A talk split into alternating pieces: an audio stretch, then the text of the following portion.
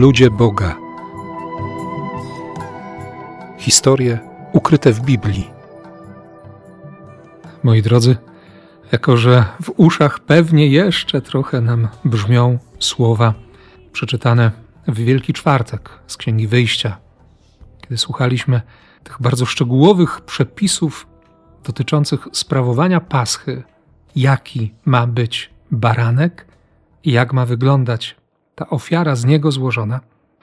Zapraszam Was do tego, abyśmy jeszcze dziś zatrzymali się na tym wzgórzu Moria razem z Abrahamem i Izaakiem.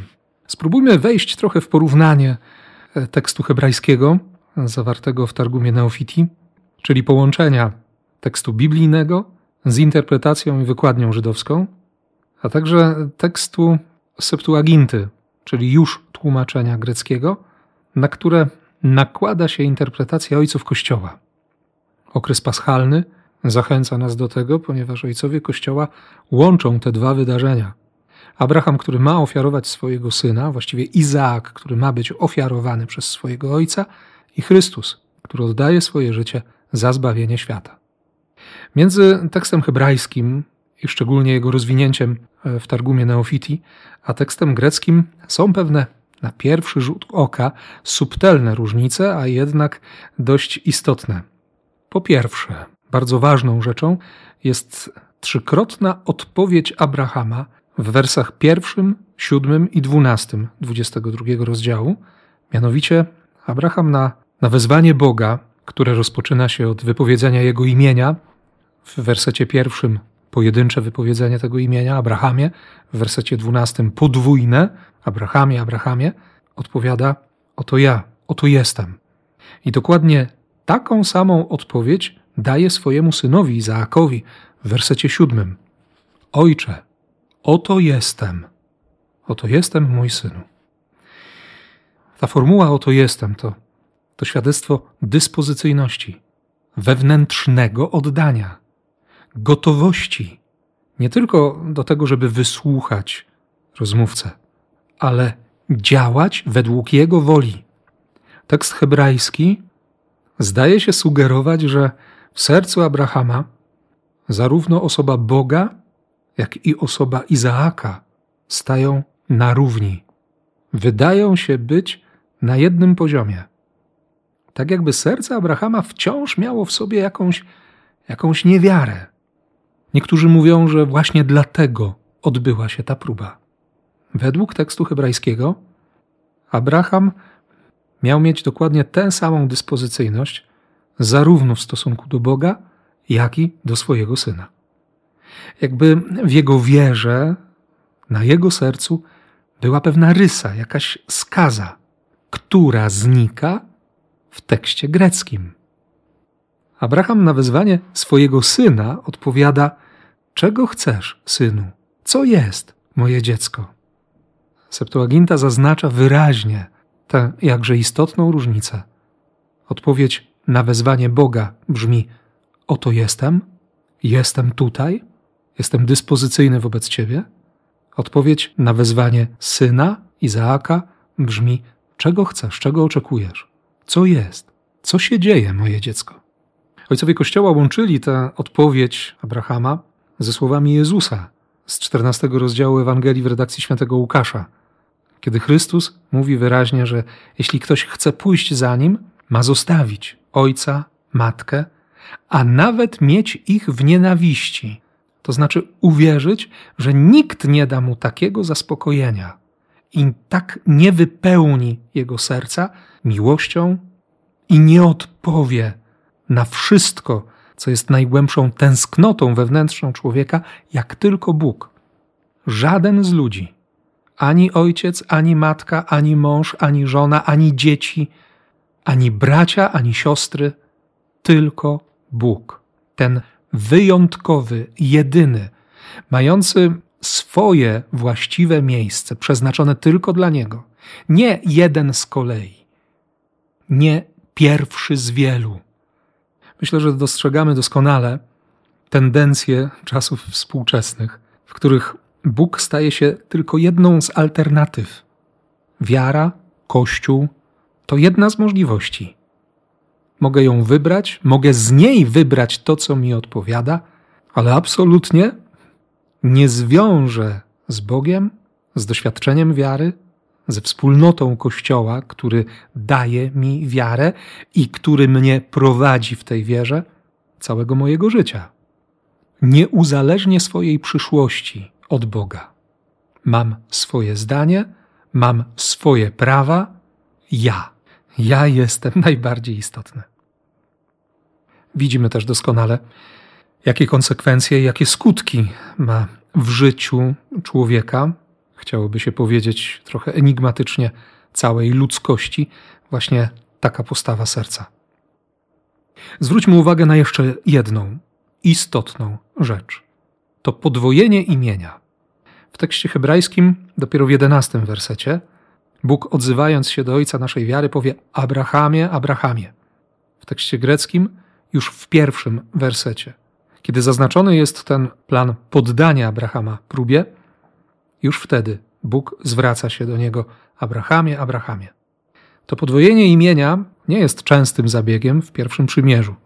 Scena z 22 rozdziału Księgi Rodzaju, powołanie Jakuba, 46 rozdział Księgi Rodzaju, potem rozmowa Boga z Mojżeszem, trzeci rozdział Księgi Wyjścia, wreszcie pierwsza Księga Samuela, trzeci rozdział, dziesiąty werset. Samuelu, Samuelu. Kiedy Bóg odzywa się kilka razy do tego chłopca, który jeszcze nie zna Pana, który nie wie, kim jest Bóg, bo go Heli, najwyższy kapłan, nie zdążył tego nauczyć. Ten podwójny zwrot oznacza w pierwszym przymierzu za każdym razem ogromną zażyłość, niezwykłe pragnienie bliskości Boga z osobą, do której zwraca się właśnie w taki sposób. Abraham wiemy doskonale. Jakub, ten Jakub uciekający, Jakub oszust, Jakub kombinator. No, ciekawe osoby Bóg sobie wybiera na przyjaciół. Mojżesz, Mojżesz, który nie wie, kim jest. Mojżesz, którego imię nic nie znaczy.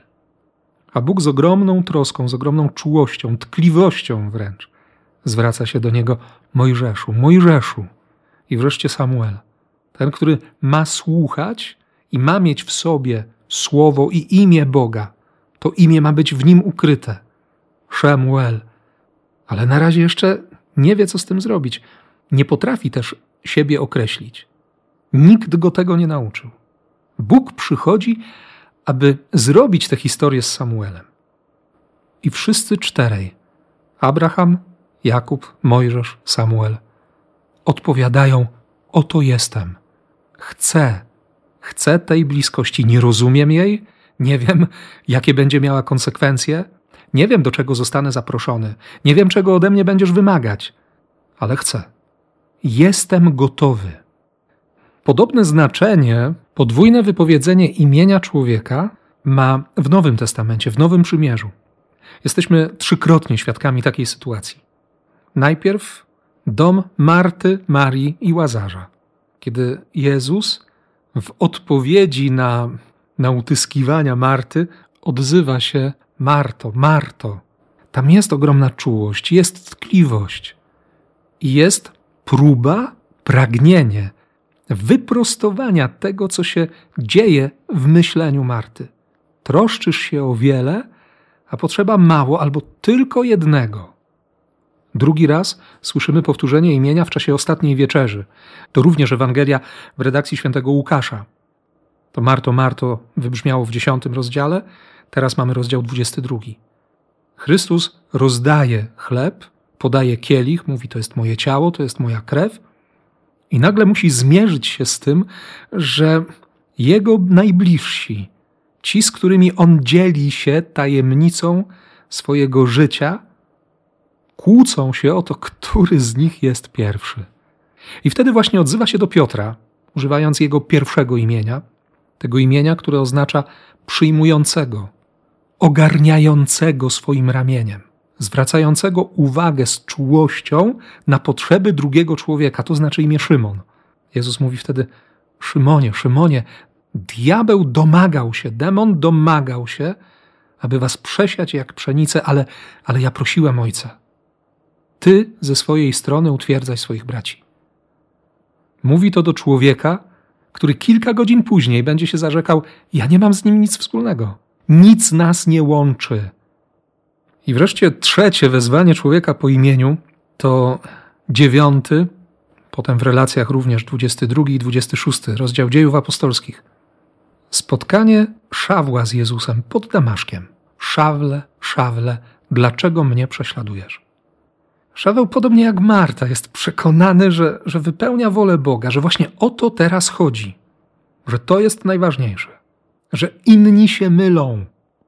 Maria się myliła, chrześcijanie się mylą, a Chrystus mówi: Dlaczego ty mnie prześladujesz? I zaczyna się nowa historia.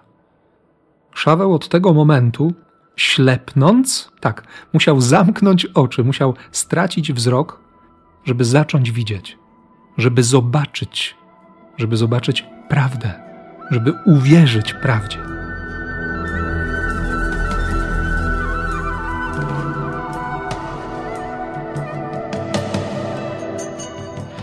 Abraham kilkanaście wieków wcześniej słyszy bardzo konkretne wezwanie.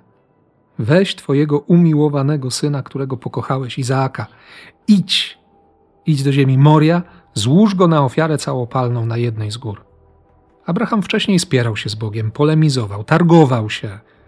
W tej ostatniej, dziesiątej próbie Abraham jest cichy. Nie podejmuje dyskusji. Nie wypowiada żadnego słowa. Nawet w tekście, w tekście greckim na pewno, nie widzimy żadnej wewnętrznej walki. Oczywiście ojcowie Kościoła pytali konkretnie, co się działo wtedy w tym sercu. Jednocześnie odpowiadali, Abraham doświadczył daru ojcostwa w sposób absolutnie niemożliwy. On był przekonany, on doświadczył tego, że Bóg wyprowadza życie ze śmierci. Jego żona, Sara, była obumarła przez całe życie. 90 lat istnienia bez wydania na świat jakiegokolwiek życia. Abraham w pewnym sensie nie miał z tym problemu, bo przecież spłodził syna z niewolnicą swojej żony. I właśnie wtedy, w tym dziewięćdziesiątym roku obumarłego życia, Bóg wyprowadził z tego martwego łona nowe życie, życie prawdziwe, życie obiecane. Bóg zniszczył śmierć, okazał panowanie nad śmiercią. I wydaje się, że właśnie w tym momencie dziesiątej próby Abraham oparł się na tym doświadczeniu. Weź twojego umiłowanego syna. Mówiliśmy sobie kilka odcinków wstecz o tym wewnętrznym zmaganiu, o tych pytaniach, które podawały nam apokryfy i Targum Neofiti i Midrash Bereshit Rabba. Który syn? Bo przecież kocham obydwu. To umiłowany w tekście Septuaginty, w tekście greckim, ojcowie Kościoła wiążą bezpośrednio z dwoma wydarzeniami, choćby z Ewangelii w redakcji świętego Mateusza z trzeciego i z siedemnastego rozdziału. Jordan i Tabor. To jest mój syn, umiłowany. Ojciec Niebieski mówi tak o Jezusie Chrystusie. Kiedy Kościół pierwotny słuchał tekstu o próbie Abrahama, od razu miał w uszach słowa Ojca Niebieskiego z nad Jordanu i z góry przemienienia było oczywiste, że na górę Moria idzie Chrystus. Tam się dokona to najważniejsze. Dlatego właśnie ojcowie Kościoła mówili, że, że Golgota to było to miejsce, gdzie Abraham ofiarował swojego syna. Czy Izaak był świadomy celu drogi?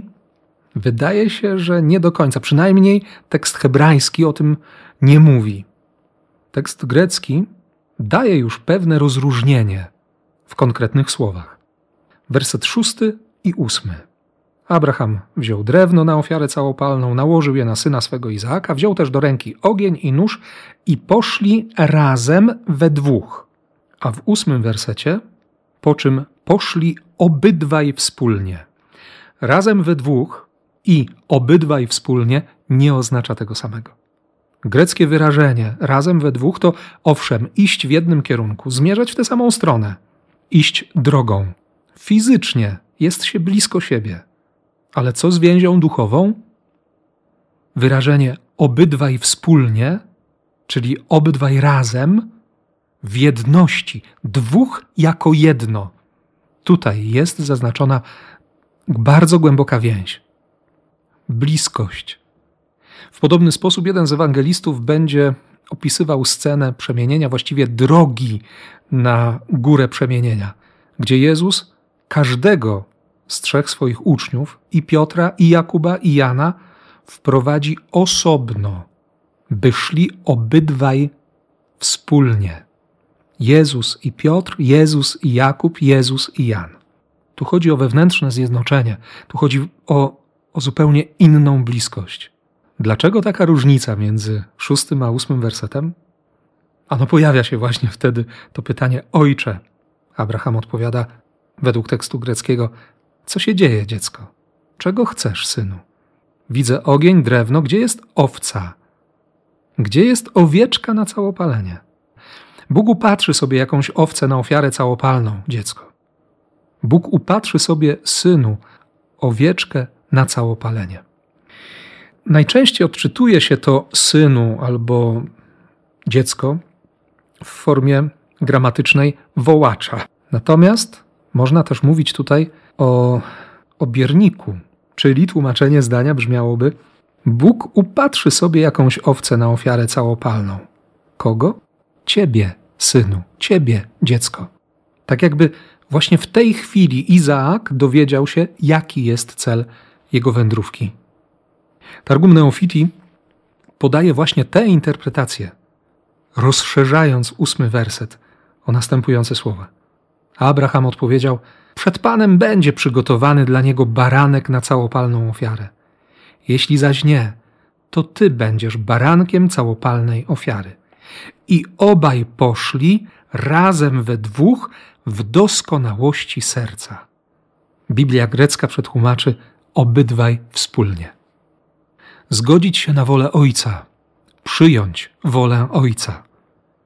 Przypominamy sobie Paschę, to co zrobił Jezus, to zaproszenie, które Jezus kieruje wobec każdego z nas, wezwanie do niesienia krzyża.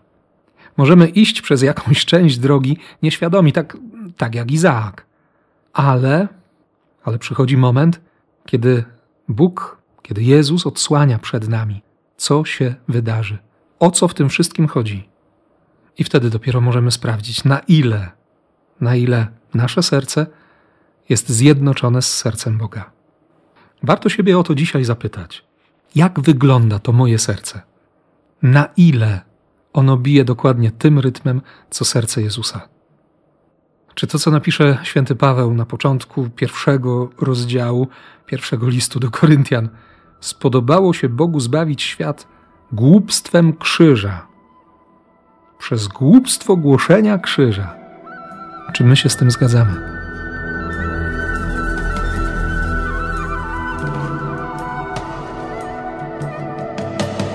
Pójdźmy dalej. Abraham wchodzi ze swoim synem na górę Moria. Związuje swojego syna. E, Księga Rodzaju nie mówi nic o ofiarowaniu, ale o związaniu. Związawszy swego syna Izaaka, ułożył go na ołtarzu ponad drwami. Hebrajska tradycja podkreśla tutaj związanie, czyli akeda. Chrześcijańska tradycja mówi o ofiarowaniu. I znów widzimy ogromną, potężną różnicę. Choć i w niektórych tradycjach żydowskich można doszukać się jakichś świadectw mówiących o ofiarowaniu, czyli o zabiciu, nawet o spaleniu Izaaka. Te tradycje podkreślają, że, że Bóg wskrzesił Izaaka z popiołu do nowego życia. Wydaje się, że do tych tradycji nawiązuje choćby autor listu do Hebrajczyków w jedenastym rozdziale. Przez wiarę Abraham, wystawiony na próbę, ofiarował Izaaka. Jedynego syna składał na ofiarę on, który otrzymał obietnicę. Pomyślał bowiem, iż Bóg mocen jest wskrzesić także umarłych i dlatego odzyskał go jako podobieństwo śmierci i zmartwychwstania Chrystusa. W liście Jakuba przeczytamy, czy Abraham, ojciec nasz, nie z powodu uczynków został usprawiedliwiony, kiedy złożył Izaaka na ołtarzu ofiarnym? Wiara współdziałała z jego uczynkami, przez uczynki stała się doskonała. Czasowniki użyte w tych tekstach są w formie przeszłej, dokonanej. Ofiarował, złożył w ofierze. To się wydarzyło. Jeśli zajrzymy do Targumu Neofiti, w dziesiątym wersecie przeczytamy porażające, porażające świadectwo posłuszeństwa. Izaak odpowiadając, rzekł do swego ojca Abrahama: Ojcze, zwiąż mnie dobrze, abym cię nie kopnął i aby Twoja ofiara nie była uznana za nieważną, i abyśmy nie zostali wepchnięci do dołu zagłady w świecie, który przyjdzie. Izaak boi się, że gdy zobaczy nad sobą ostrze noża, jego natura może się zbuntować. Może się spontanicznie zacząć bronić. Dlatego prosi, by ojciec go dobrze związał. Jeden z żydowskich komentatorów twierdzi, że to związanie polegało na skrępowaniu rąk i nóg Izaaka z tyłu, na plecach.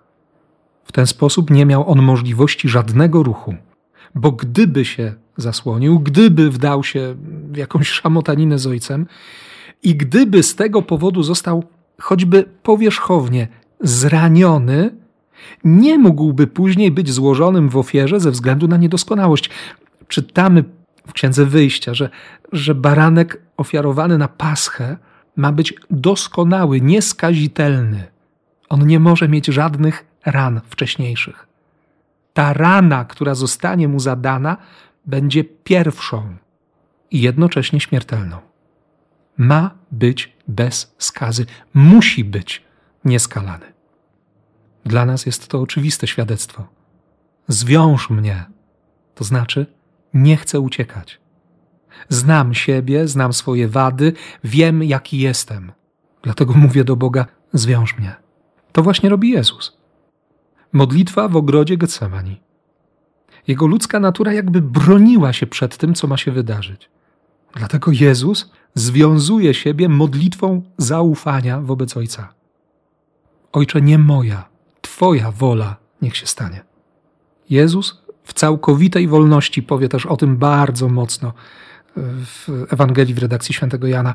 Nikt mi nie odbiera życia, ja je oddaję. Jezus pozwala się związać, pozwala się przybić do krzyża. Księga Rodzaju w tekście mówi, że Bóg ostatecznie nie przyjął ofiary z Izaaka. Zamiast niego został złożony baranek. Dla chrześcijan i baranek, i Izaak to symbole Chrystusa. Nawet ojcowie Kościoła piszą, że, że te rogi baranka którymi uwikłał się w zarośla, w ten krzew sabek, to gwoździe, które przytrzymywały Chrystusa na krzyżu.